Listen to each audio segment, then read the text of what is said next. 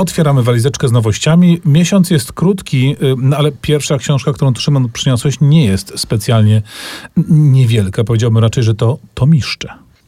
Tak, tysiąc stron.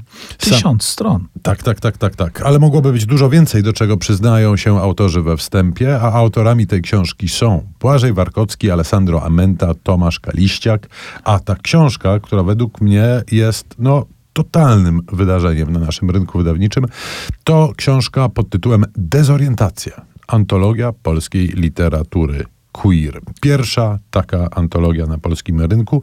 Antologia, nad którą pracę autorzy zaczęli już, uh, przeszło naście lat temu. Ja pamiętam pierwsze swoje spotkania świadome z literaturą queer. Była to oczywiście e, Maria Komornicka, znana jako Piotr Wlasty-Odmieniec, ale również mniej więcej w tym samym czasie spotkałem się z książką Germana e, Ritza, który w ogóle mm, jest takim prekursorem i ojcem duchowym autorów tej e, książki, bo to jeden z pierwszych krytyków i historyków literatury, który przyglądał się queerowi w literaturze polskiej i zastanawiać się by można, gdzie tej literatury queerowej i od kiedy należy szukać. Oj, szukać należy jej bardzo, bardzo e, głęboko. No bo ja rozumiem, że tak naprawdę w takiej recepcji ogólnej, jak pomyślimy o takim y, y, po prostu czytającym czytelniku y, liter, literaturę polską, no to takim momentem pewnie najczęściej wskazywanym byłaby publikacja Lubiewa Michała Witkowskiego, która rzeczywiście była książką głośną, wielokrotnie wznawianą, komentowaną. Sam autor też jakby bardzo zaistniał, co oczywiście wcale nie oznacza, że wtedy literatura queerowa w Polsce się zaczęła. Nie, zaczęła się ona e, ładnych kilka wieków e, wcześniej i oczywiście to jej Daj, istnienie... Daj, a poproszę, a ty poczy. No nie do końca. I oczywiście to jej istnienie było bardzo, bardzo e, e, różne. E, takim początkiem niezwykle intensywnej obecności w literaturze polskiej e, queeru jest to oczywiście rok 1918. Tu zresztą tych tropów jest bardzo, bardzo, bardzo dużo, szczególnie właśnie po roku 1918 i to jest taka pierwsza fala, druga fala następuje mniej więcej w latach 80. No dobrze, ale czekaj, bo teraz zaraz streścisz nam cały szkic, który jak sam powiedziałeś jest bardzo duży. Powiedz mi tylko taką fundamentalną rzecz. Czy to jest książka do czytania po kolei po Bożemu, że tak powiem, w sensie od początku do końca, czy należy po niej skakać y, i na ile mocny jest tam y, udział pisarzy jak najbardziej współczesnych? Oczywiście współczesność to jest lwia część tej antologii.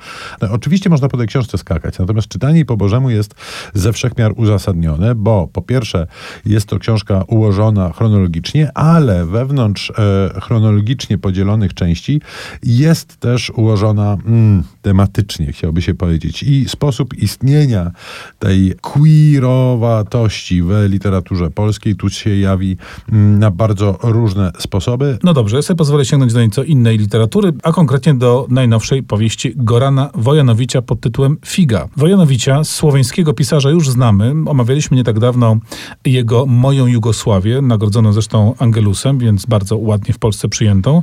I ja muszę powiedzieć, że dla mnie te powieści Wojanowicza, zarówno Moja Jugosławia, jak i Figa, są jak kanapka ze świeżego chleba.